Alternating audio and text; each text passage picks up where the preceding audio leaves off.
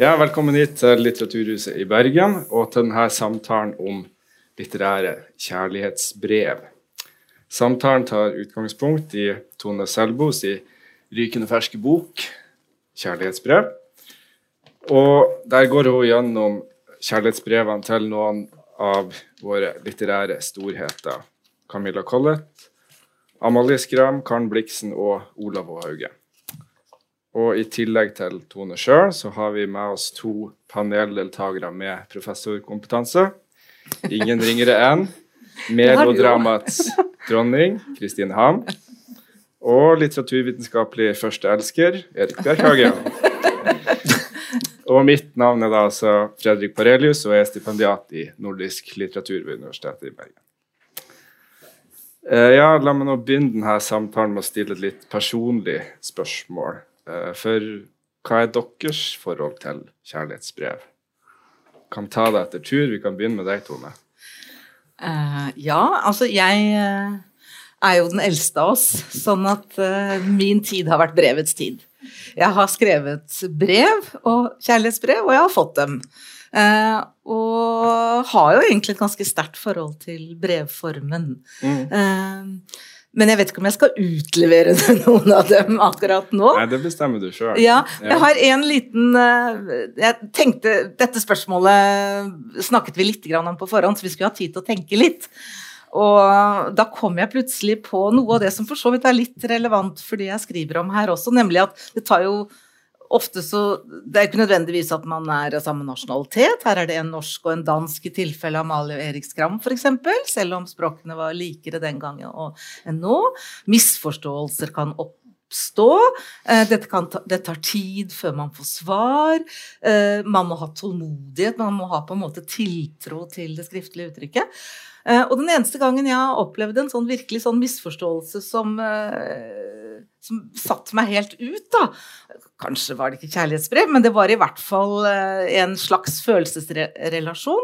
Og det var mellom det norske og danske. Og jeg har arbeidet mye med dansk litteratur og alltid liksom skrytt av at jeg har ikke noe problem med å forstå dansk. Og dette var et av de siste brevene, sånn brevbrev, altså for hånd, jeg vel fikk. Og da skrev denne mannen til meg Ja, Tone, han var da dansk, du er en skikkelig grinebiter. Og jeg ble helt sånn Hva? Hva har jeg gjort nå? Hva er feil nå? Og da tok jeg altså helt feil, for uh, dere vet jo alle hva grinebiter er, og det er jo udelt negativt på norsk, men det betyr altså på dansk lattermild, eh, blid eh, Så det var ment som en kompliment, og jeg tok det som en, en helt sånn ja, mm total eh, liksom, avvisning. Og det tok litt tid før det ble oppklart, fordi at det var før eh, e-postens tid. Ja, ikke sant. Og det her med misforståelser kommer vi jo tilbake til ja. etterpå. Eh, men tenkte vi tar runden. Hva med deg, Kristine? Har du noen anekdoter du har lyst til å skyte inn? Ja, jeg vet ikke om jeg har så veldig lyst, men Men det er jo som de fleste kjenner, eller hører sikkert, så er jeg opprinnelig tysk. Sånn at jeg har jo hatt en sånn, eh, hva heter det, en sånn long distance relationship da jeg kom til Norge, i hvert fall. Eh, med en som da bodde i Tyskland, og det husker jeg som veldig anstrengende, da. Man måtte liksom alltid, Og det kom jo sånne brev, altså sånne små brev med sånn luftpost, hva heter det, sånne blå brev. og det er veldig rart. Det, ja, man kjenner liksom at man blir litt eldre når man tenker tilbake til den tiden. Men hele poenget var at at det var et eller annet Vi kunne jo også ringe, men ti, altså, den, den brevskrivingen kom jo egentlig i tillegg. Ringing var dyrt. Det var dyrt, men i tillegg så var det også litt annerledes. For man hadde jo, i hvert fall hvis man liksom syntes at det var gøy å skrive, så kunne man på en måte markedsføre seg litt sånn positivt. Man kunne eh, liksom, ja, altså sette seg i scene. Og det tenker jeg jo er sånn brev gir en god anledning til å sette seg litt i scene. Men det gir jo også den der eh, faren at man snakker uhemmet om seg selv og sine egne ting og glemmer helt den andre, som jo da egentlig er den man henviser, henvender seg til. Så det er jo en sånn utfordring da, at man finner en sånn passe balanse. Ja. Mm. Mm.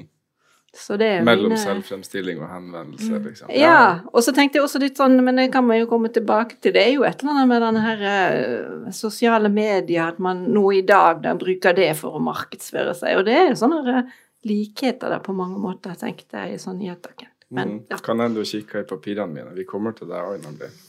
Uh, ja, og du, Erik. Jo, nei, Fordelen med brev, da, som selvfølgelig jeg også har sendt og mottatt, eh, det er jo at man, man, kan, at man liksom kan gå og vente og lengte etter brevene. da. Ikke sånn, Det kan gå liksom, åtte dager eller ha tål- tålmodighet, men det har en viss sjarm det å og, og vente, da. ikke sant, Vel, som, som å gå i en sånn eh, antikvitet, eller eh, antikvariat i gamle dager for å lete etter bøker og så videre. Så nå kan du bare bestille det på, på Mm. nettet. Så er gøyere å lete etter dem på antikvariater. Kanskje denne gangen fant man det man lette etter. Eh, men det er klart at det, er noe sånn- hvis man misforstår hverandre, og hvis det er krangel på, brev, det er ikke sånn når det går ti dager og de krysser, de krysser hverandre, ser man jo med Jonas Collett og, og, og Camilla. ikke sant? Det, ditt brev er fylt meg med den største bitterhet, skriver han. ikke sant? Og så, så tar det liksom ukevis å klare det opp igjen. Så det, det, det er ulempe, da. Mm. Eh, og så er det SMS, det er enda verre. og Det har jeg i hvert fall, hvert fall lært. da. Man skal ikke dis dis diskutere ting på SMS. Det er veldig greit med korte meldinger. Men, eh, så det ideelle er vel den mellomformen som er e-post. Da kan man, ja, da kan man krangle, krangle og diskutere og gjøre alt. Mm.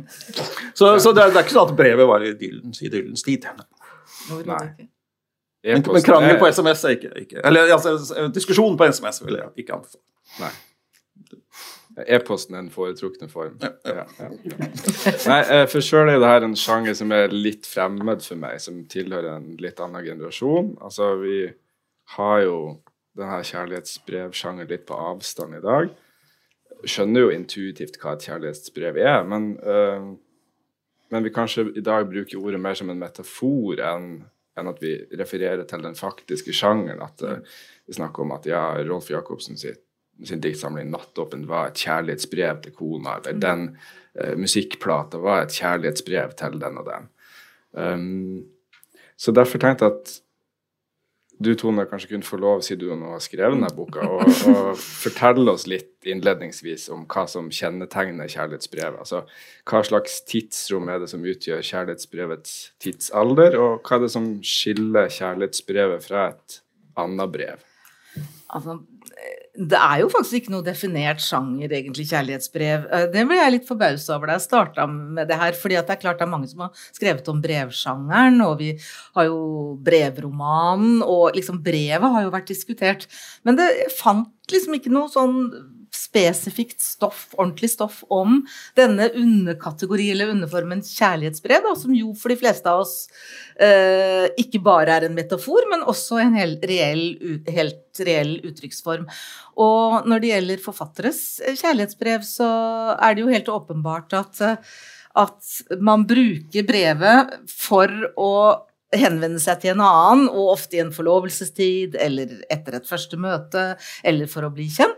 Men som du sier, det er også eh, et, et medium for å trene seg litterært. Eh, Og det er et sånn bevisst måte å skrive på, og man kan se at veldig mange av tingene som foregår i disse brevene, kommer igjen i, i diktningen. Men jeg ble jo veldig opptatt av at disse brevene er veldig sånn gode brev, altså det er eller god litteratur, og at kjærlighetsbrevet Jeg har brukt det sjenerøst den, den eh, betegnelsen.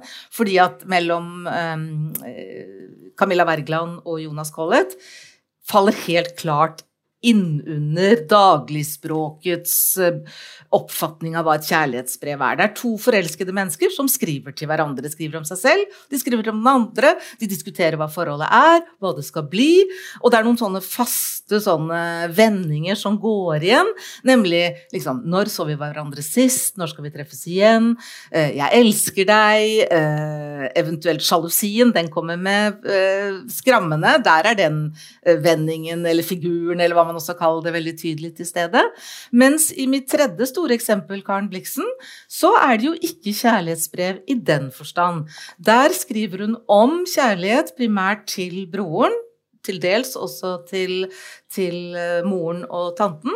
Men hun, den hun er forelsket i, omtaler hun, men skriver ikke til ham. Sånn at der har vi jo ikke utveksling mellom to elskende, men vi har på en måte to stemmer. Den ene stemmen er jeg er helt fortvilt, nå har han akkurat vært her, jeg har vært så lykkelig som jeg aldri har vært før.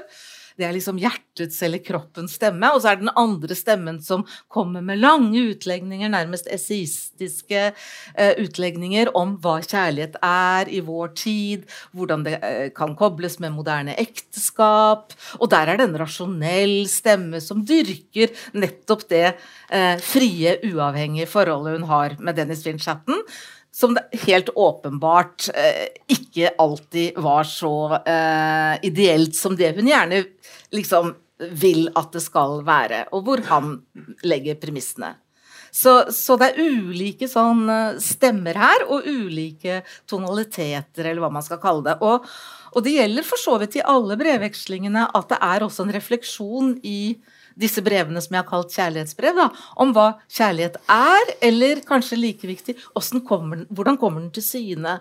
Eh, hva skal til for at kjærlighet skal kalles kjærlighet? Hvordan viser den seg? Den viser seg gjennom noen bestemte referanser til litteratur man leser sammen, til måter man snakker med hverandre på osv. Veldig sterkt knyttet til eller forbundet med det språklige uttrykket. Dette er jo forfattere, så dette er jo mennesker som er opptatt av skrift og språk og tale og litteratur. Og, og det liksom er en slags sånn mellomform mellom liv og litteratur. Mellom samtale og, skrift, og muntlig og skriftlig. Mm. Men sterke litterære tekster, vil jeg si. Og det er jo derfor jeg har valgt dem også. Ja. Og i Hauges og Cappelens tilfeller så blir de jo kjent via brev. Ja, det er jo veldig spesielt, for så vidt. ja. Eh, men der er det jo uh, egentlig Så har du svart på mitt neste spørsmål òg, fordi at du, du, skriver en plass i, i boka di her at vi kan jo av og til føle oss litt som kikkere når vi leser mm. de her brevene. Og, men samtidig så har det her brevmaterialet noen kvaliteter som løfter det opp over det rent litterære kjendiseriet. sant, at det, Her er det noe som du, du, har sett, som du har lyst til å skrive om, som du vil liksom ta tak i. Ja, for Én ting er at det er lett å kjenne seg igjen. På, på, den ene siden, Det er veldig interessant med kjærlighetsbrevet. På den ene siden så er det den mest intime formen man kan tenke seg. Det er som to mennesker som betror seg til hverandre, og som er inni en slags boble. Dette kjenner vi igjen alle sammen. Eh, og, og det er liksom oss to, og vi er eksklusive. Vi er annerledes enn alle andre i hele verden.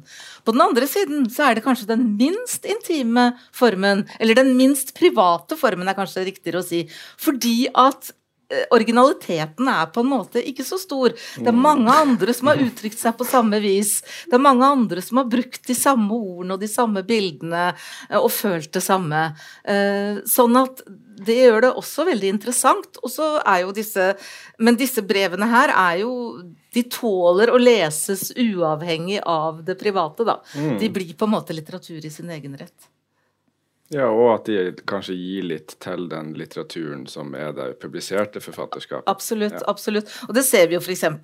når Amalie og Erik Skram skriver, så gjennomlever de jo hele sedelighetsdebatten på 1800-tallet. 1800 mm. Altså Erik har sine seksuelle erfaringer som han forsvarer. Han vil vekke Amalie erotisk. Dette kan vi godt komme tilbake til.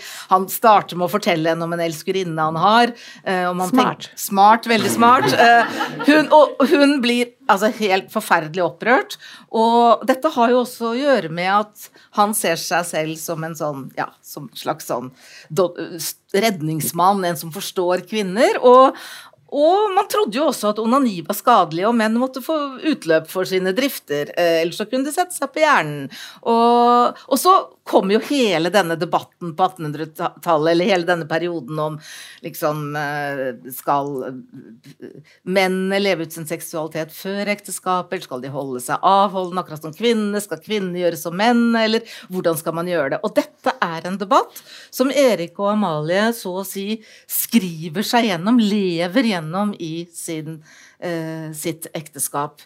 Og det går jo ikke så bra til slutt, eh, og det danner et forløp. Som de som skriver, jo ikke kan overskue, men som vi som leser disse utgitte, redigerte, ferdige samlingene i ettertid, kan se.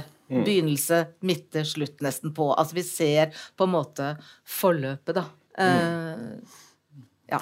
De var ikke så private heller, for ofte ble de jo lest høyt i forsamlinger. Sånn. Bjørn, Bjørnson Skram har jo også en berømt, eh, berømt brevveksling før. Mm. Skram møtte Skram, eh, og da, da, da han, Hun ble jo sjokkert. Han drev og leste brevene. Intime brev fra henne om det samme, om de samme emnene. ikke sant? for de han som han møtte. Ja, sant, så Det det, her vanlig. eksklusive brevet, det er på en måte noe litt nytt, at vi tenker at det her er hemmelig kun mellom oss. Ja, altså du ser jo Når Karen Blixen skriver fra, brev fra Afrika hjem til Danmark, så tar det jo for det første forferdelig lang tid før de når mottakeren, og mye kan jo ha skjedd i mellomtiden. Eh, og, da, og det er jo enormt lange brev. Eh, da, men da poengterer hun, når hun skriver privat til eh, Thomas om sine sterke følelser for Dennis, så sier hun dette, for det første, dette må du, om du treffer Dennis Finchatten noen gang, må du aldri, aldri, aldri si til ham at jeg har skrevet sånn til deg. Det må du liksom ikke finne på å si. Men hun gjør det også klart at, hun, at dette er bare ment for ham. Så de blir ikke lest høyt. Og det må hun poengtere, for ellers er det klart, dette er jo også reisebrev. Eh, reiseskildringer.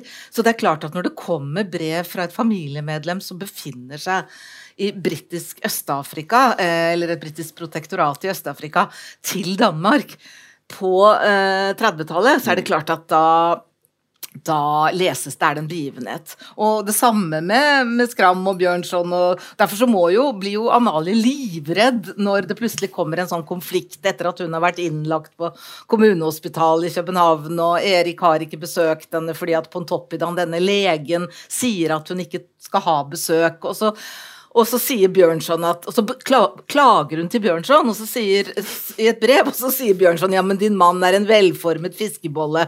Eh, Og da mener han jo at han er veik, og han er ikke liksom, han står ikke opp for henne, og så videre. Og da, og da blir jo hun li, livredd, fordi at eh, vanligvis så leser jo han han brevene fra Bjørnson, ikke sant? Men, men da må hun prøve å forhindre at han gjør det. Han får nok vite det allikevel, og det kommer en konflikt, men den blir liksom ikke så dramatisk som det kunne ha blitt, da. Ja.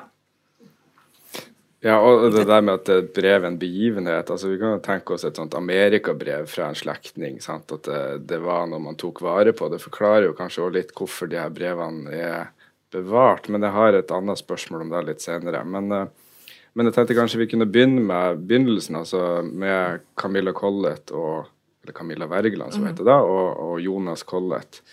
Eh, og når man uh, leser din gjennomgang av denne korrespondansen mellom de to, så ser man jo at her er det avstand, som du var inne på, og det er forviklinger og brev som krysser hverandre, og begge må rette opp masse misforståelser og forklare hva de egentlig har ment og sånn.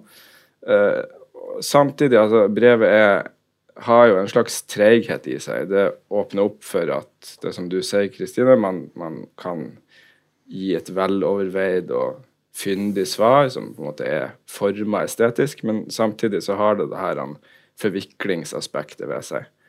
Eh, så det er på en måte som kommunikasjonsform, da, i hvert fall helt på 1850-tallet her innledningsvis eh, i perioden du beskriver, eh, hva slags liksom, fordeler og ulemper har denne kommunikasjonsformen i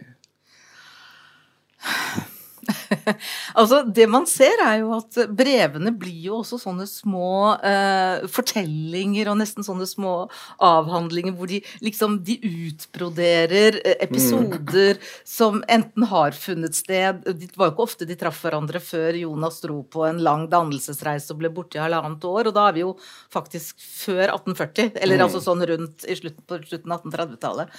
Og da er det jo klart at det er jo ikke så mye sånne felles opplevelser de eventuelt kan henvise til. Og de sier jo til hverandre at reisebrev det er kjedelig, så det skal, han skal ikke si så mye av hva han opplever ute på reisene sine. Han gjør jo det allikevel, da. Sånn at de Du var jo inne på det, Kristine, at de skriver jo like mye om seg selv som de skriver om den andre. Så her kan sikkert dere ut... Nei, men jeg, har, jeg har et oppfølgingsspørsmål som jeg kan ta først. For, for altså, jeg får inntrykk av at i denne brevvekslinga så er det to emner som skiller seg ut som litt vesentlige. Altså, de, de skriver eh, på en måte hvor de prøver å overbevise hverandre og seg sjøl om at de faktisk er forelska i hverandre. Det er det ene. Og det andre tilbakevendende temaet er jo velhaven. Ja. Eh, altså Camilla eh, Collett sin eks. Også veldig smart. Ja. Eh, sant? Som, som må jo bruke sine brev til Jonas for å prøve å komme over, men sant? eh, lykkes hun med det? Er hun egentlig forelska i Jonas i det hele tatt? Altså, kanskje du kan forklare det her trekantdramaet helt kort, eh, Tone? Ja, altså de blir jo sammen i forlengelse av at eh, Welhaven har avvist uh, Camilla. Og det lurer jo liksom ja, ja, Den historien kjenner jo alle som har gått på videregående. Det er liksom en, den litteraturhistoriske anekdote nummer én. Mm. Men hva var det egentlig Welhaven gjorde? Altså, hva var det han hadde gjort? Hva, hvorfor var han så slem? Nei, det, det han gjorde, det er jo noe som mange kan kjenne igjen. Han holdt henne varm, men han ville ikke bestemme seg. Altså, han, han, ga henne akkurat nok til at hun liksom fortsatte å være forferdelig forelska, men han nektet å liksom forplikte seg. Og når hun trakk seg tilbake, så ga han litt igjen, sånn at hun ble gående og trippe. Mm. Uh, inntil det liksom kom til en endelig avklaring. Og, eller altså endelig uh, slags brudd, da. Uh, og så treffer hun Jonas, som jo tilhører den samme kretsen. Og jeg tror jo at det var en forelskelse, men en annen type forelskelse. Hvor Welhaven jo er en slags sånn skyggefigur. Mm. Det var liksom det var tre i det ekteskapet, eller tre i det forholdet. Og, og, og han, men Jonas også trenger jo velhaven. For Jonas ville jo være ridderen på den hvite hesten. Han ville jo, han ville jo liksom være den Han sier 'jeg har ikke sans for Jeg, har, jeg har ikke anlegg for sjalusi. Jeg, jeg vil liksom høre alt hva du har opplevd. Og så gir hun ham dagbøker og tidligere brev og mm, papirene sine fra det sorte skrinet, og det blir for mye selv for Jonas. Ja, fortiden, Camilla, fortiden nå er, den, den, står der hele tiden. Men hun er jo en erindringsdikter, også i brevveksling med Jonas. Hun bruker jo erindringen og fortiden til å dikte og føle videre på, da, om man kan uttrykke det sånn. Men her kan mm. dere fylle inn. Også. For her har jeg fornemma at Erik kanskje ikke er helt enig i din lesning. ja, ja, altså. Det ville forbause mammaen vår. Ja. Nei, altså Vel, hans problem, eller Det han gjorde, var selvfølgelig at han, han elsket jo ikke Camilla. da, ikke sant? Det, det er fasiten som de fleste er enige om. Liksom. Han elsket henne ikke, sier Camilla Soltebarn. Eller Sipsten, mm. den store Collett-forskeren. Uh, det er sannsynligvis det. Jo, men han holdt henne jo varm allikevel. Ja, ja, ja, ja, selvfølgelig. Det, det, gjorde, det gjorde han.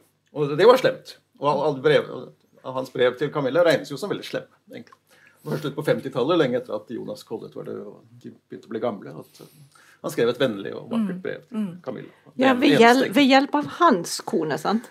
Ja, da, og, altså, de var jo venninner. Og, Camilla skrev jo til, til uh, Welhaven langt ut på 50-tallet, mm. etter at Jonas var død, om at uh, ja, nå, er på tide at, uh, nå sendte han jo alle disse gamle brevene til, til um, ham også. Og han leste gjennom, og det var da han skrev mm. dette vakre brevet. Og vi var så unge, og vi, og, mm. vi visste ikke hva vi gjorde og sånn.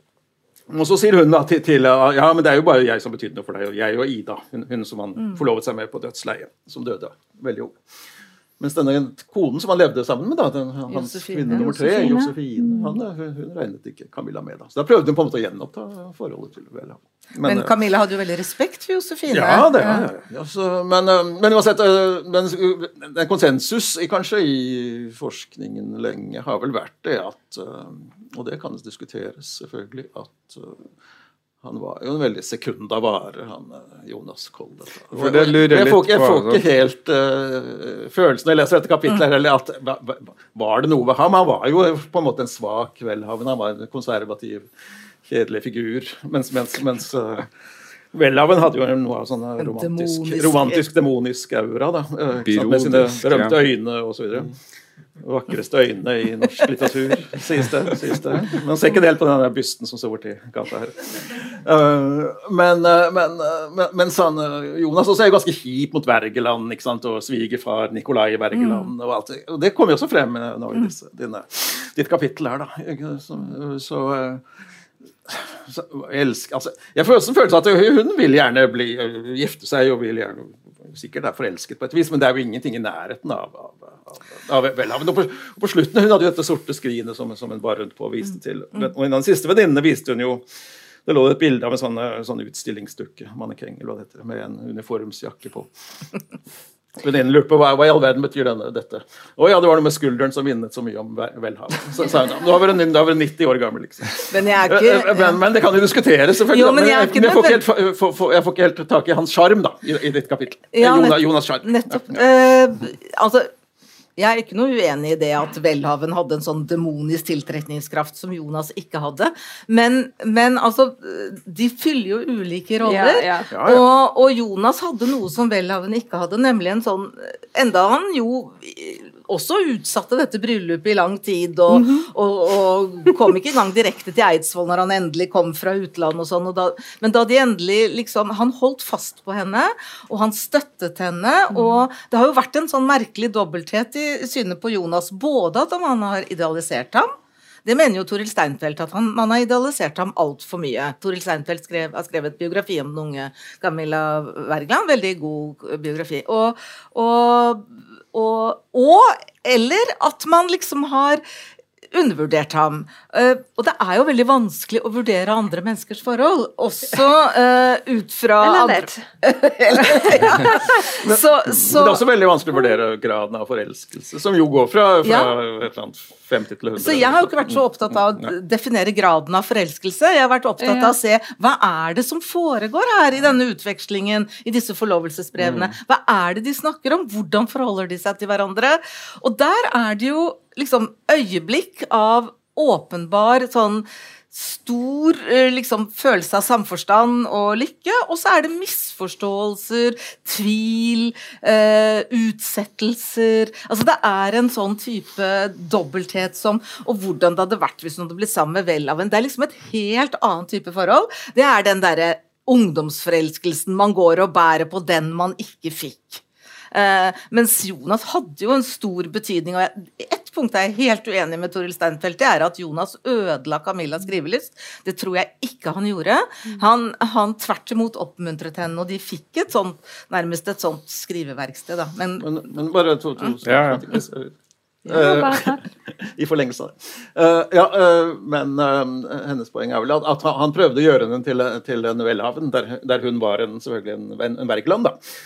Og det var at det kanskje var først etter at han var død, at hun, hennes mer vergelandske åre kunne, kunne komme til sin rett igjen. At hun, han prøvde å disiplinere henne ut fra, ut fra de hun lot seg jo ikke disiplinere. Nei, men de prøvde begge to. Han formaner henne. var jo veldig sånn, Han vil Ja. jo ha kontroll på henne. Og, og, Han og- formaner henne, men hun formaner jammen han òg. Ja, liker mye. Ja, ja, han liksom, organiserer ham veldig mye, faktisk. Og, Ja. og hår, han klipper seg ikke Ja, riktig, og, og du og begynner å kalle ham Jonah, eh, med, altså med H på slutten istedenfor Jonas. Og han blir jo kjempelei seg. Hvorfor altså Jeg vet Jonas er stygt, men, men jeg heter nå en gang Jonas, kan jeg ikke få lov til å være Jonas? Og, så det, Den, Ja. den gang het jo Jona i Bibelen Ja, det. uten S, så hun ville Ja. kanskje gjøre ham mer heroisk. ja, det er jo også litt merkelig, da. Fordi, ja. Men Kristine, hva syns du? Nei, når jeg hører dere, så tenker jeg jo mest på Og det var du for så vidt inne på. At, og det, altså dette her med kjærlighetsbrev har- er jo veldig avhengig også av hva kjærlighet er. Og jeg syns jo at det er veldig mange ulike måter eh, du egentlig eh, skildrer her, som jeg syns er interessant. Og eh, den kjærligheten til Welhaven som hun i hvert fall følte, var jo helt annerledes enn den hun får da sammen med, med Jonas, som jeg på mange måter syns er mye lettere å kjenne seg igjen i. Altså Det andre var jo mer en sånn slags frastandsforelskelse på mange måter, sant? og uten egentlig noen form for skikkelig Det fins mange variasjoner. Ja, Ja, men altså, og, men jeg De fikk jo fire barn sammen og alt. Det, Ja, det er jo og, noe. Det er jo noe. og, jo, men altså, det, det tenker jeg er litt interessant. fordi at eh, når jeg har lest disse brevene, og jeg har jo lest en god del av disse i hvert fall også tidligere, og ikke minst disse her til Skram og sånn, og det, det er noe med når man ser og, og observerer hvordan de skriver, du vet hvordan det kommer til å utvikle seg, og du kjenner hva de skriver samtidig, så sitter det og tenker 'Å Gud, gjør du dette? Hvorfor gjør du dette?' Og så ikke gjør sånn. Altså, du får en sånn følelse av at du, du burde blande deg inn og gi gode råd og sånn, men samtidig så skjønner du jo veldig godt ut fra hvilken situasjon de skriver og sånn. Og, eh, og, og jeg tenker jo at for, for, for Camilla eh, Wergeland eller call it whatever, så var det veldig bra at hun traff Jonas og på en måte fikk en slags virkelighetsfornemmelse av eh, og, og. Men- men Altså, uten, eh, hun hadde ikke skrevet noen ting. Hvis, han, hvis ikke han hadde dødd, så hadde hun jo ikke skrevet Amtmannsdøtre.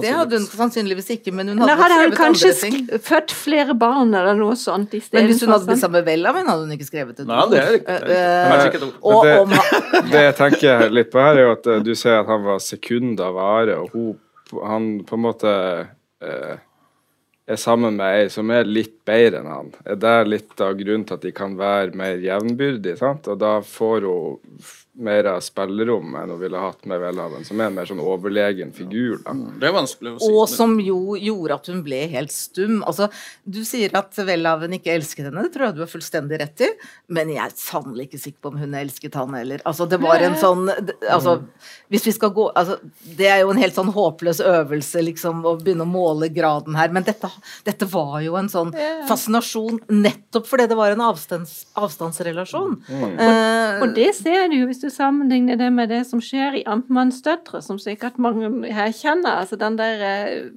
ideen som Sofie liksom har om denne husværen Koll, og sammenligner han med Byron osv. Så, videre. så det må jo ha vært en sånn salig blanding av en reell skikkelse Jo, jo, og men- men- faktisk en ideal. Men det er jo Welhaven som er helten i Antonens døtre, gjennom Koll. ikke sant? Mens Rein Ja, men det- er jo en veldig blek figur. Nå skal vi bare huske du og jeg er jo uenige i Amtmannens døtre også. Er det mulig? Er det mulig? Jo, altså, jeg syns jo at denne prosten slett ikke er så slem som han alltid blir gjort, for det er jo han som eh, Han er på mange måter er den jo da, men det er jo en Ja. annen eh, det det- det- Det er en helt annen debatt, men hele poenget annen er at det, det er tolkningsmuligheter ja, der ja. Absolutt. absolutt. Men uh, det der du sa med å, at du, du river det litt i håret når du ser de gjør noe dumt. sant? Altså det her at hun, uh, hun har det her, han, hun har et sånn svart skrin.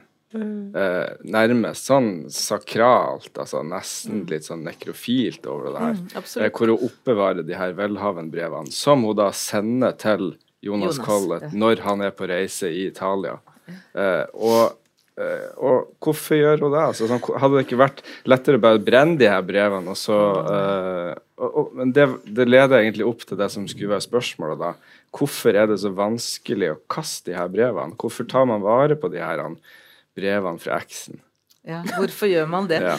Altså, nå må du huske på at uh, her er skillene flytende når det gjelder Camilla Wergeland, mellom dagboksopptegnelser, notater, brev til uh, venninnen Emilie, brevene fra Welhaven. Hun skrev det mye av, hun redigerte dem selv. Hun, kutt, hun har jo kuttet ut ting fra disse brevene uh, som gjør at vi vet jo ikke hvordan de var helt fra starten av. Og, og hun var jo en som diktet veldig sterkt, eller skrev veldig sterkt på sin egen følelse og sine egne erfaringer. Og, og hun var jo en som dyrket liksom eh, eh, fortiden og det tapte og det Det tror jeg Det tror jeg kanskje ikke Erik er helt enig i, men det, det tror jeg faktisk hun gjorde. Og, og Jonas han var jo en som inviterte henne veldig sterkt til å få vite om disse tingene. Han visste jo om denne historien, det visste de jo alle sammen.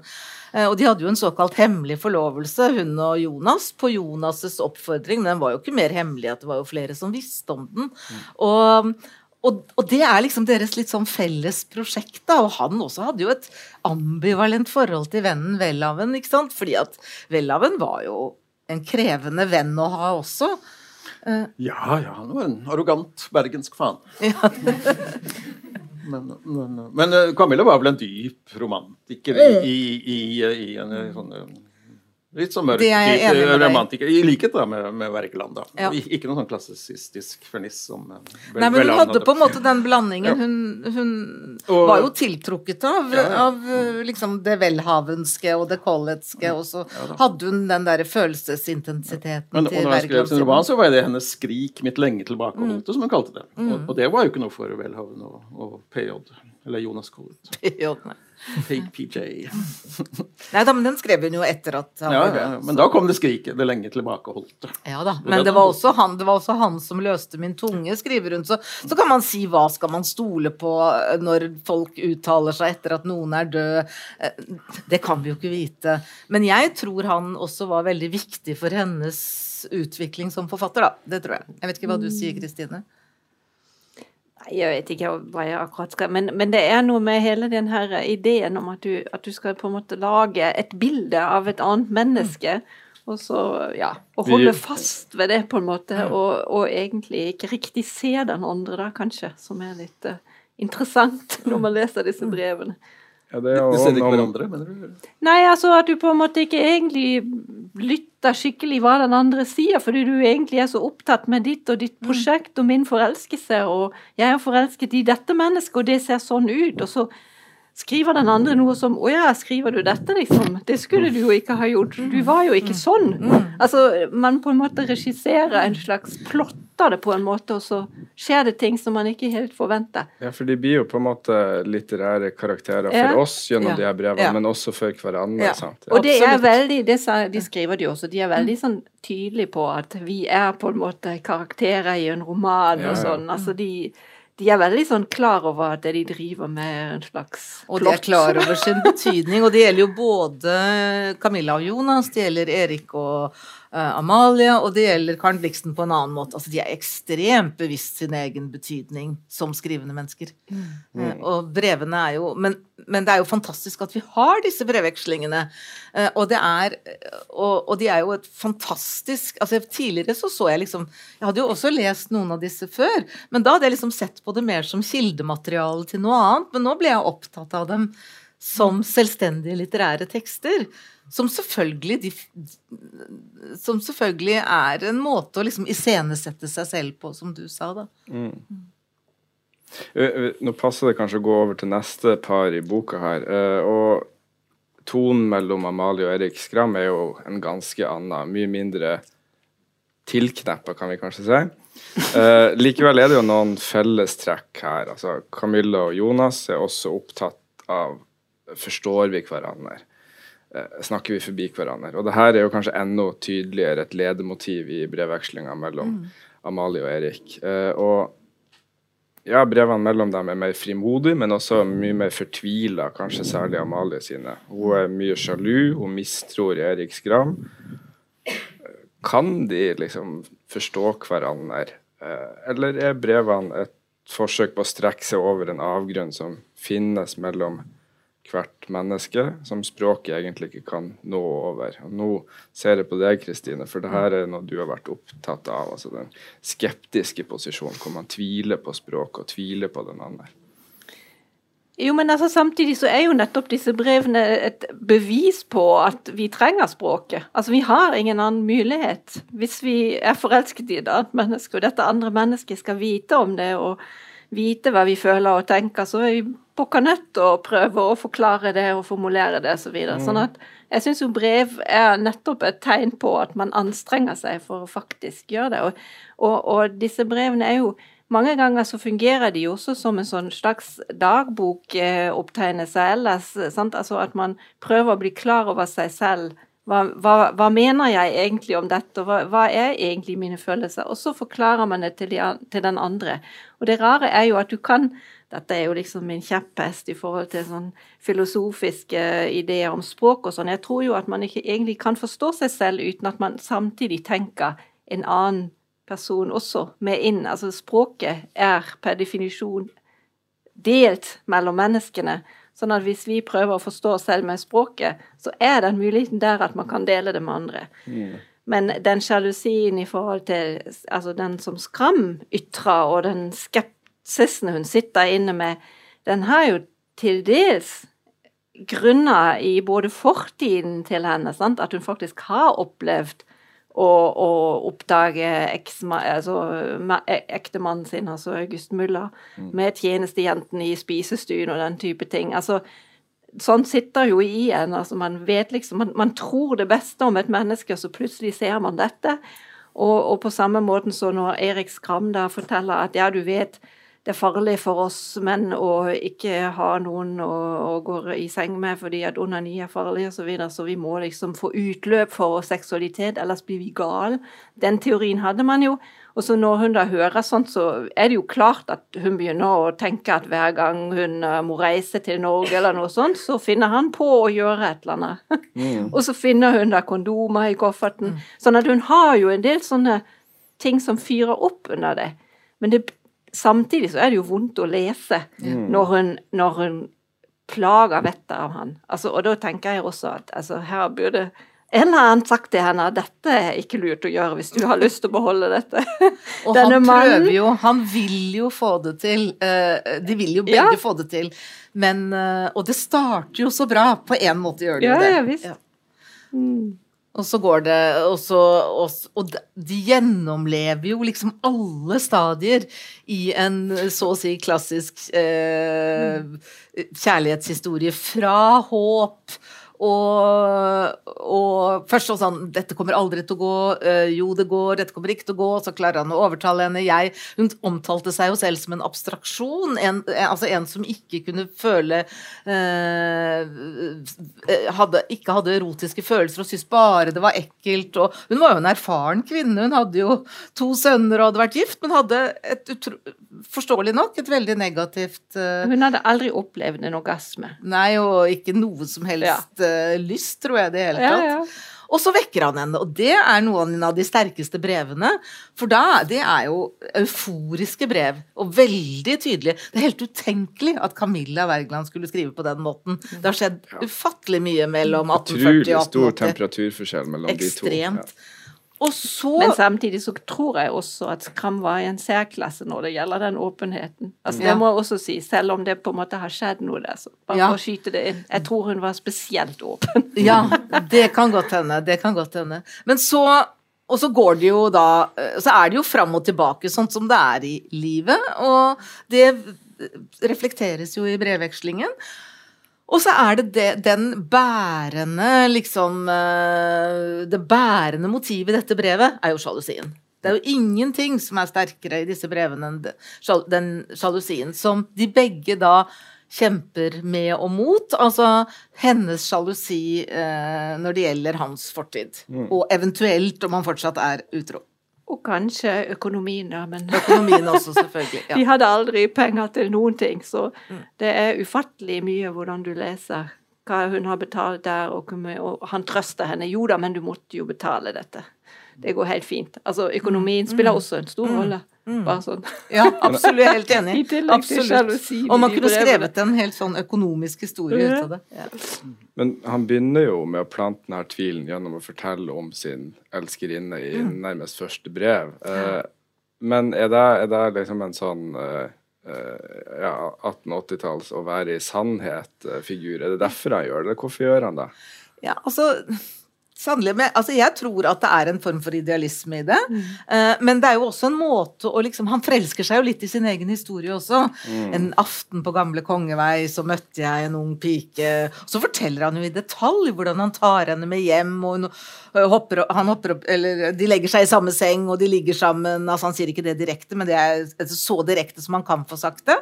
Uh, og så blir hun hans elskerinne. Og dette fortelles i detalj til uh, Amalie. Men, men eh, det er vel også en tro på at å, to mennesker kan elske hverandre rene, er jo hans credo. Så det er jo også en tro på at vi skal starte noe i sannhet. Vi skal bli de to som liksom får til det som ingen andre har fått til. Og det er jo også noe man kan kjenne igjen fra, eh, fra mange kjærlighetsforhold. Men det var jo et veldig sentralt tema i offentligheten blitt også Ja. på, i løpet av Gradvis da, fra, fra Camilla Collett skrev sin roman. og Bjørnson, De nygifte, allerede på 60-tallet. Bjørnsons Magnhild, som jo hjalp direkte uh, Skram til å skille seg ikke sant, fra Müller da hun leste den fra 77. Gjertrud Kolbjørnsen av, Gjertrud av Erik Skram, ja. hans store roman. Han skrev, han skrev jo bare to, to Ja, eller tre skjønnlitterære ja. bøker. ikke sant? Og, Og det, den er jo også ganske viktig i denne viktig, bevegelsen veldig når det gjelder, når det, roman, ja. eh, det usedelige ekteskap, da, som jo, ikke sant, at, at eh, det bygger på at mannen bare tar seg til rette. Og voldtar kvinnen på bryllupsnatten, og hun rømmer hjem til foreldrene. sånn. Det var jo veldig vanlig. Og det, det tas, opp i, tas opp i. Og hun har bare sagt ja et, eh, fordi hun er bare visste, Hun trodde det var det man gjorde, gifte seg. Altså, ikke sant? Hun hadde egentlig ikke lyst til å gifte seg, men bare gjøre det. I den boken, da. Gjert- Gjertrud. Men hadde han vært gift før, eller? Nei. Nei. nei. Men, men det er også interessant at der har du jo også en mann som på en måte godtar at han har fått en kvinne som er mer begavet eh, litterært enn ham selv. Og det gjør han. Altså, når de, når de møtes, så er det jo han som er forfatteren, og hun er helt i starten av sin, eh, sin karriere. Mm. Og hun beundrer ham og har lest Gjertrude Kolbjørnsen. Og så, etter hvert, så er det jo hun som blir den store forfatteren. eh, Og det er han klar over, og han forholder seg lojalt til det. Og han skriver jo noen andre ting, men det er jo Ettertiden har jo på en måte gitt, gitt både han og dem rett. da, At det er hun som er den viktige forfatteren, og han som er den mindre viktige. Han var heldig fordi han ble med i Brandes 'Det 'Den moderne gjennombruddsmenn', siste kapittel der. Basert da på Gjertrud Ja. Kolbjørnsen. Ja. Og Brandes var jo mye snillere med danske forfattere enn med norske. Han Ja. ofte var jo kjip og gjerrig, faktisk. Han var jo veldig kjip mot Camilla Collett, blant annet. Ja, glemmer jeg overser henne helt. Mm. Så, um, så, men det er jo ikke tvil om det at han spøker er bortimot glemt. Men interessant. Historisk interessant. Ja, og jeg, Brukbar, da jeg brukbar. leste Jeg hadde ikke lest Gjertrud Kolbjørnsen før for noen få år siden. Og, og det er jo en interessant roman. Interessant, og veldig interessant å lese samme f.eks. Magnhild og alle de andre tingene som kommer på omtrent samme tidspunkt. Ja. Og det var, det var jo en hovedgrunn til at Amalie forelsket seg i Erik, at han hadde skrevet denne boken. Altså utenfor Hun følte hun kjente han, for han hadde jo skrevet denne boken, så han kjente jo hennes henne. problem.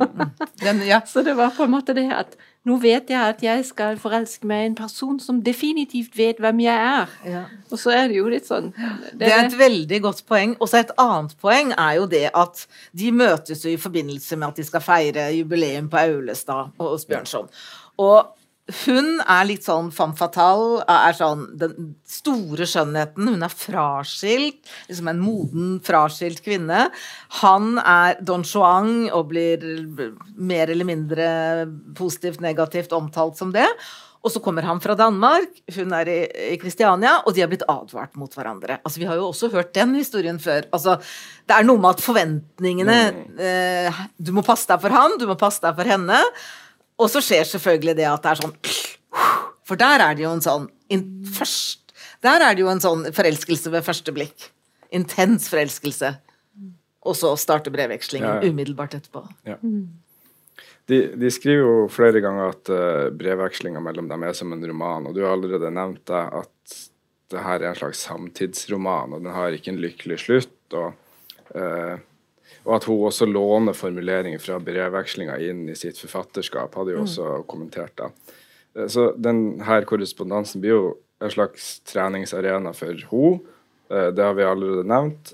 Og kanskje en litt sånn privilegert treningsarena. Men hun skriver jo brev med Anner også, sant? At mm. eh, hvordan er den eh, korrespondansen med Erik Skram viktigere enn den hun hadde med Bjørnson, for å si det sånn? Altså, det er jo liksom Det foregår på litt ulike nivåer. For den Ja. med Skram, det er jo det som er knyttet til hennes eget eh, Følelsesliv, følelsesliv. På- Men altså, det betyr jo ikke at hun ikke skriver om følelser til Bjørnson også. Og, og den det er jo også en korrespondanse. Der ligger det jo et stort materiale som egentlig er ikke gjort sånn ordentlig grundig arbeid på. Så det er kanskje noe for deg, Kristine. Det- Eller for Erik tar for den. Erik tar den. Ja, men altså, den er jo veldig interessant. Den Og veldig åpenhjertig, den. med, ja, med Bjørnson. Ja. Ja, hadde jeg vært og de, yngre, skulle jeg elsket deg i stand. Og, han. sant? og han, det er jo han som introduserer dette med at, at uh, det er farlig det å ikke leve ut sin seksualitet. For, for begge kjønn. Men, men, men, uh, men det forutsetter at uh, full likestilling først. først da. Denne, Jo, hans det- forsvar for fri kjærlighet. Mm. Han er, Men det hele det forholdet går jo gjennom mange faser, og Ja, ja, i ja, så starten er det jo veldig sånn Ja, ja. I starten er det jo veldig sånn hierarkisk. Hun beundrer ham og legger seg ja. helt flat, og du er den store forfatteren, og her og din jeg mann skulle ha forbudt deg å skrive om eh, ja, Ringa. ja, det, er noe, ja, det er annet. Det, var, det, det har vi nesten ingen viten om. Det Å, nei, du merkelige mener det er ja, ok. Det, hadde, det hadde noe med levende modeller så videre. Ja, okay. Greit. Men det er også interessant med Constance Ring, da, den første romanen, som jo også er selvfølgelig en nøkkelroman, eller en eh, virkelighetsroman, eller hva man nå, nå kaller det. Og det er også litt interessant, synes jeg. Den, den, jeg synes den beste første delen er den beste, den som handler om hennes uh, forferdelige ekteskap Med med, Müller. Altså Ja. Ring, da. Ja, Herre Ring, Ring, i denne romanen. Men Skram er vel det er også, Han har to nye menn, på en måte. Ja, vel, og det, det er vel Skram begge to, kanskje.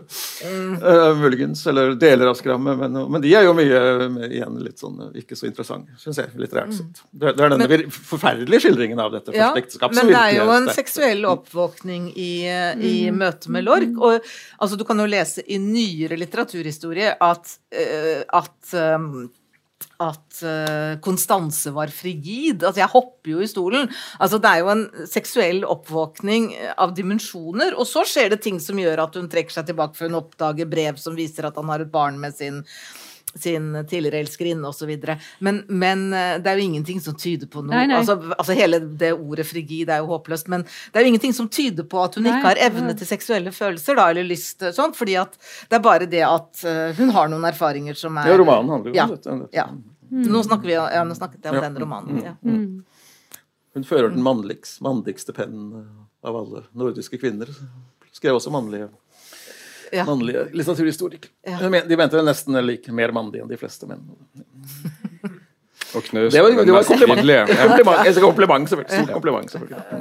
Eh, En annen ting som går igjen i flere av de her eh, korrespondansene altså, Nå har vi jo nevnt Welhaven, og så er det jo eh, Amalie sin sjalusi er jo eh, også et viktig motiv her, men at det liksom kommer andre personer og forstyrrer den her tosomheten som den her brevvekslinga på en måte har lyst til å være. da, At det, det å skrive kjærlighetsbrev, og liksom lage et sånt rom hvor man får være i fred og bare være de to. Og da tenker jeg jo umiddelbart på Fosse sin 'Noen kommer til å komme', den der plagsomme naboen som liksom er hele verden, som vil trenge inn i det her rommet. Uh, Og Erik og Amalie er jo offentlige personer, og de, de kommenterer jo det de leser. Altså, det er jo ting som jeg kunne skrevet mye mer om. Altså, eh, hele, hele deres liksom Hva som er deres private følelser, og hva som inngår liksom i et sånt register som er del av den offentlige samtalen, det er jo også et tema som man kunne sagt veldig mye om. da. Sånn at veldig mye av den måten de snakker om seg selv på, inngår jo i en slags offentlig samtale, og de deltar jo i den begge to. Så de er, og de er jo offentlige personer. Så, så, så der ser du at de fører jo debatter, sånn som når de, når de diskuterer f.eks. Bjørnsons hanske, Mm, for eksempel, og, og og det er mange andre eksempler også. I.P. Jacobsen diskuterer de, og de diskuterer andre som jeg Men ikke har skrevet om. Men der tenkte jeg mange ganger at det er så kjekt, for du sier jo at du har brukt den der eh, trebindsutgaven Ja, ja. til Janet Garton av Skrambrevene. Og den er jo helt fantastisk, fordi den har så mange noter. Ja. For jeg følte jo alltid at hvis du leser de brevene i dag, så er det mange ting som du rett og slett ikke vet. Altså Nettopp. om personer, og så er jo Hun har jo gjort en superjobb for å nøste opp Altså, det er rett og slett så utfattelig mye sladder i disse brevene som går en hus forbi fordi at man ikke kjenner det igjen. Sant? Men det må altså det, det, og, og, og hvis man da det, Altså, egentlig kan man bruke hele livet sitt, og det er derfor jeg liksom er litt sånn her eh, eh, avveiende eller avvisende for det. At du kan, du kan virkelig fortape deg i dette og kartlegge hvem skrev hva til hvem, og hvem har sagt hva, og hva sa Kielland den gang han kom til Drachmann på besøk, og hva sa Brandes. Og det er ufattelig mye, og, og det, det er veldig sånn opplagt at det var et sånt um, nettverk. Og det tenkte jeg også uh, når det gjaldt uh, Welhaven. Det er jo det samme sant, med Collett og Welhaven, og de kjente hverandre. Alle kjente hverandre. Og det er et eller annet også med den der homososialiteten. Sant? Altså de, de der homososiale forholdene mennene seg imellom. Sånn at kvinnen på en måte blir bare en sånn brikke i spillet, og makten mennene imellom. Altså Du ser det så tydelig. Alle disse her Jo da, men Amalie ble jo med i guttegjengen, da. Absolutt. tidlig. Ville, skulle ha, de ville ha henne med i tidsskriftredaksjonen og alt det der. Jo da, men samtidig så ble hun også holdt utenfor, og det vet hun veldig godt. Altså Hun blir jo aldri sekretær, og det fins grunner til det.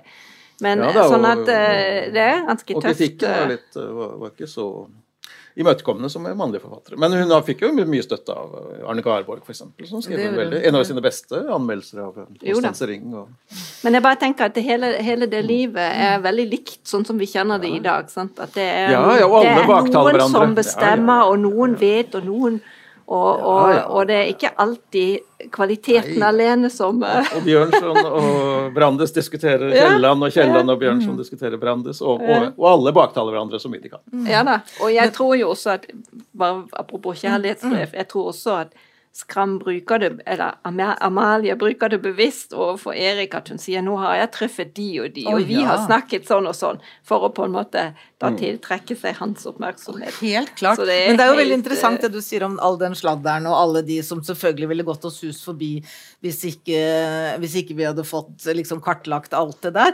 Men man kunne også lest dem hvis La oss si man hadde fått denne samlingen uten noter og kommentarer og sånn, så ville man fortsatt fått kjærlighetshistorien, og man ville kjent igjen en del punkter fra samtidsdebatten. Men så var det, ville det vært masse ting som ville gått en hus forbi, og det er fortsatt mange ting som går en hus forbi. For det er jo eh, tross alt eh, en, altså det er jo ufattelig mange navn som nevnes, og det er interne danske forhold f.eks., eller norske for den saks skyld, og det er måldebatt, det er eh, debatt om kjønn, rase, alt omtrent. Altså, og i tillegg den derre mer sånn eh, Monarkiet. ja, monar ja, ja, men altså politikk. Ja, Eh, konflikter innenfor dansk venstreside.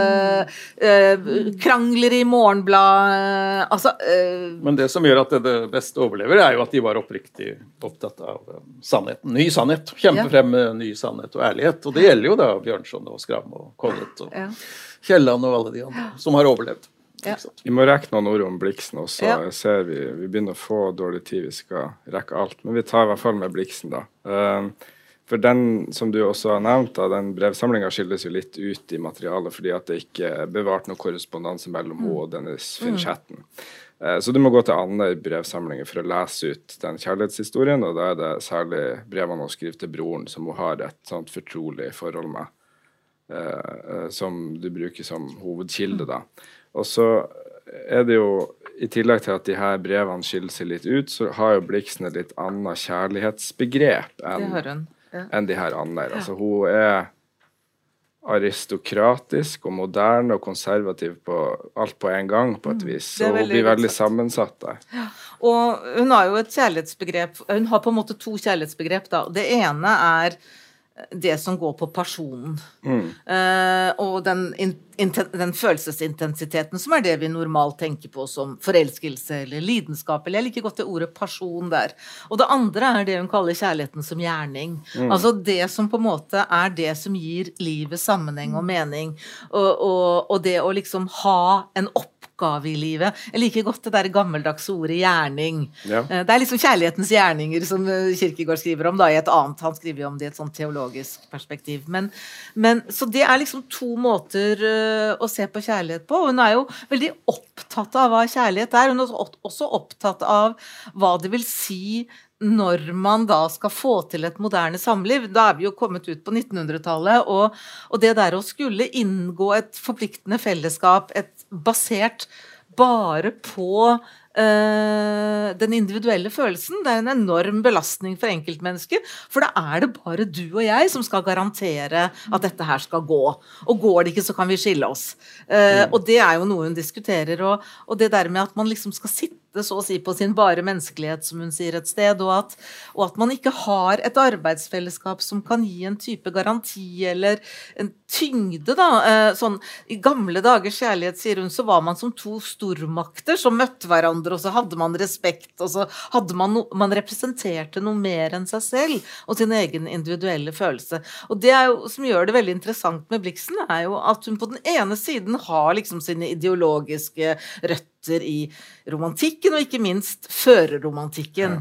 Eh, og så har hun Samtidig bærer hun jo på eh, en type sånn moderne kjærlighetslengsel, eller en moderne syn på liksom selvstendighet, kjærlighet osv. Så, videre. så Så du har helt rett i den karakteristikken du kom med innledningsvis, at det er, det er en slags sånn eh, spenning mellom det å være del av sin tid. Altså jeg tror ikke noe på Med Blixen så sies det veldig ofte At, eh, at hun var liksom ikke del, hun var forut for Eller hun var bakut for sin tid, eller hva man skal si. Eller både forut og bakut. Altså, man er del av sin tid uansett. Det er nå en av mine kjepphester.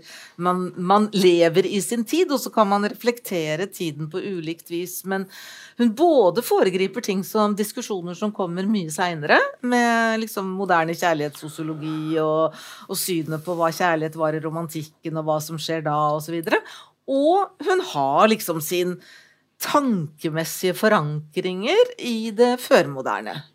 Fra liksom antikken og fram til romantikken. Og så har hun masse motiver og sånn fra det romantiske tanke, tankegodset. Så det ja. Og det med det antikke er jo litt sånn eh, Jeg merker meg i hvert fall da eh, i boka di da at eh, særlig det her ene sitatet, altså Dennis Finchatten er jo i ferd med å falle når eh, Altså, han er dyrka av Karen Blixen, og så er han i ferd med å falle. Han har en fallende stjerne.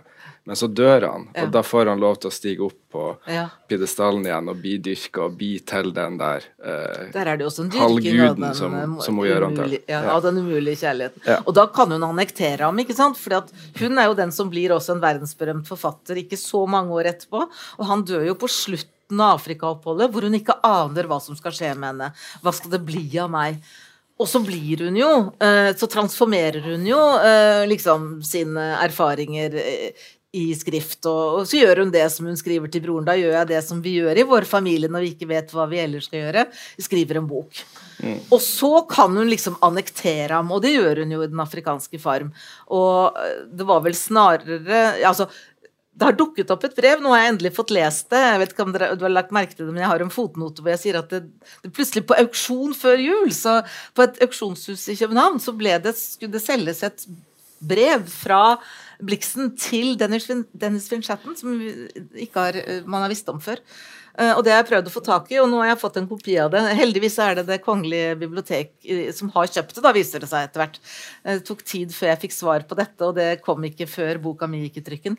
Men det er et brev hvor hun skriver da, og det er på slutten her, og da prøver hun å beholde farmen og få hjelp av han. Og da er hun både bitter eh, Hun er liksom fornærma, litt sånn bitter på at han ikke liksom vil gå inn i partnerskap med Farmen, og hun syns at det er Liker ikke at han da han har kontakt med bror, hennes første ektemann. da. Nei, nei, så det, det tilfører for så vidt ikke noe ekstra til diskusjonen her, da. Nei, men sant, det nyanserer jo bildet av eh, deres forhold, som du jo egentlig er i gang med å gjøre i, i kapitlet ditt. Da. Så er det, jo, er det jo liksom at Den afrikanske farm henter veldig mye av krafta si fra at det er en sånn tapsfortelling. Altså, Ja. Det hadde ikke vært hadde ikke vært noen bok, og hadde i hvert fall vært en mye mer kraftløs bok hvis hun ikke hadde tapt både Farmen og han. Sant? Altså, det er det tapet som gjør hele gir hele magien der. Da. Som gir Ja. liksom myten. Ja. Mm. Erik, du skulle si noe? Ja, altså Alice Monroe har jo en fin bok som heter The Progress of Love. Har du, har, har du noen forestillinger om det fins progress, eller det motsatte? Fra, fra Collett til uh, Hauge, eller, eller motsatt? Eller er det bare forskjellighet? Eller er det alt er likt? Altså, det er jo oh, det skal jeg svare på? Nei. Nei, ja, jeg tror dessverre ikke at det finnes så mye progress, eller altså framgang, altså, men, men Man taper jo noe da i det 20. århundre. Ja, man- Moderniteten. Man taper noe. Noe forsvinner også. Ja, noe forsvinner også. Sant, da, da, da er vi på siste spørsmål her. Det var litt, Eh, for uh, tenkte helt helt til slutt så tenkte vi kunne snakke litt om det her rituelle ved brevskriving. Altså, sant? Du har penn uh, i Du har blekkhus for mange av de her. Du har brevark, konvolutter, frimerker, pennekniv. Du har det som på engelsk heter inkblotter, altså den som tørker blekket. Postbud, postgang. Det er en hel seremoni knytta til det her. Og Camilla Collett skriver jo også om den her brevseremonien? Ja. som vi i dag ikke lenger har bruk for, egentlig. Eh, Men hvordan lager vi fortellinger om oss sjøl som par i dag? Altså, Hva er det som har gått tapt med det her håndskrevne, litt omstendelige kjærlighetsbrevet? Altså, Bliksen skrev jo på skrivemaskin, da, men det er for så vidt innenfor akkurat det samme som du sier. Og På en sånn, sikkert. På en sånn, det. en, ja. Nei, altså Jeg, tror ikke, jeg kan jo ikke svare noe bedre på det enn dere noen andre i dette rommet kan. Men det slo meg, og jeg har jo en sånn liten epilog her hvor jeg prøver å reflektere litt over det. Prøver liksom å ta et steg tilbake og si det er jo ikke sånn at forelska mennesker har slutta å skrive til hverandre. Det, det, gjør man jo fortsatt. fortsatt og e-postutvekslingen er jo også en Det er jo den mest tradisjonelle av liksom de elektroniske Eriks foretrukne. Ja. Eriks foretrukne. Men langsomheten og tiltroen til liksom refleksjonen som et, også et skriftlig uttrykk, og det at man må vente lenge og holde liksom tankene i hodet før man får svar. Og så skjer det jo, kan jo brev krysse hverandre, og, mm. og at man sitter liksom med denne konvolutten i hånda og kan lese brevene igjen og igjen. Man kan jo lese en e-post igjen og igjen, men mm. det er, en, en, ting er liksom det varige her, men det andre er den derre langsomme refleksjonen og, og, og, liksom tålmodigheten det fordrer, da. Og tiltroen til at uh, uh, Ja til at går... diskusjonen kan gå over måneder. Vi, vi, hadde Erik og jeg var jo med å starte dette som heter Norsk litteraturvitenskapelig tidsskrift. Mm. Og vi hadde en jubileumssamtale eh, nå i høst om dette. Og da snakket vi akkurat om det at dette var det jo sånn at debattene der, de gikk jo Altså, du sendte var en som, som To nummer i året, ja. To nummer i året. Og debattene fortsatte. Liksom, det var måneder mellom hver gang er nesten utenkelig i dag. Altså. Og da har du kanskje skrevet ferdig svaret før du får lest brevet du ja. går og venter på. Ja. Så det er litt der òg de misforståelsene ja. kommer. Sant? For du har allerede bestemt deg for hva du skal skrive i neste brev. Muligens. Og jeg vil jo bare uh, si helt til slutt, det kom jeg på nå når jeg tenkte på at jeg skulle snakke med dere, fordi at Erik og jeg var stipendiater sammen. Uh, og nå snakker vi i begynnelsen av 90-tallet. Da var Erik et år i Cornell. Da hadde vi så vidt begynt med e-post. Da brevvekslet vi, husker du det? Da skrev vi brev. Jeg tror jeg fikk et par-tre brev fra deg det året. Det var altså ikke kjærlighetsbrev, men det var brev. ja, min veileder skrev merkelige brev som jeg knapt, knapt klarte å tyde, husker jeg. Så jeg vurderte å dra hjem for å stramme ham opp. Ja, men ja, det er noe med den håndskrifta, sant. Mm. Ja, Fordi at det er jo veldig personlig, akkurat den mm. håndskrifta. For det, det, det, er jo ikke bare på en måte den materialiteten, men også rett og slett at du ser på en måte den andre i håndskriften. og sånn. Det, det hører jo også med. Mm. Mm. Så aller siste, da, det er kanskje lettere å svare på eh, om du har en favoritt blant de her brevskriverne, eller om det er ett brev som liksom skilles ut. Nei, det tror jeg ikke jeg kan si Nei. at jeg har jeg, jeg, merker at jeg, ble liksom forferdelig opptatt av, av, dem hver og en da jeg leste dem. Uh, uh, altså Som brevveksling, altså som, som sånn narrativt forløp, så står vel Skram-brevvekslingen på en måte i en særklasse. Mm. Også fordi at de, de, er så takknemlige for en litteraturforsker å gå inn i, fordi at de sier selv hvor, dette altså Vår historie er som en roman. Er det en smukk roman? Er, kommer det til å bli en trist roman? Altså Vi får en del liksom gitt uh, der. Ja. Men det er kanskje Camilla Wergeland allikevel, altså. Ja. Uh, jeg syns det er hennes temperament og følelsesstyrke og og når hun liksom tar et skritt tilbake og reflekterer, så blir jeg veldig grepet, rett og slett. Mm. Men jeg syns jo når du skriver om Karen Bliksen, det syns jeg er det mest spennende i din bok. Oh, ja, fordi, morsomt, ja. Nettopp fordi at det går sånn opp for en at hun er så forelsket, men hun klarer ikke si det. For hvis hun sier det til han, da stikker han og kommer aldri tilbake. Mm, mm. Altså, det er jo et eller annet der for, ja, ja. som er skikkelig ja, er interessant. Og det er også hun jeg har arbeidet lengst med. Altså, er, altså jeg har jo liksom arbeidet med Bliksen i mange sammenhenger gjennom mange år. Så. For det var en som sa til meg at, at, at, vet, det var en som sa til meg at han syns, eller hun syntes at uh, det var det kjedeligste kapitlet. Nei, så, jeg syns det er motsatte, men det er kanskje hva man vet fra før av. Ja, og sånn, og, morsomt, ja. Så jeg syns det var interessant. Jeg må si at jeg likte den delen om Bliksen godt. hennes prose er jo veldig flott. Da. Ja. Veldig ja. tiltalende, må vi si. Ja. Min favoritt er nok også Camilla av Breskerud. Eh, på bunnen vil jeg plassere Herre Collett. ja. Nå har vi rangert ifra topp til bunn. Og jeg tror vi sier tusen takk til publikum, og tusen takk til panelet. Takk for oss. Takk skal du ha.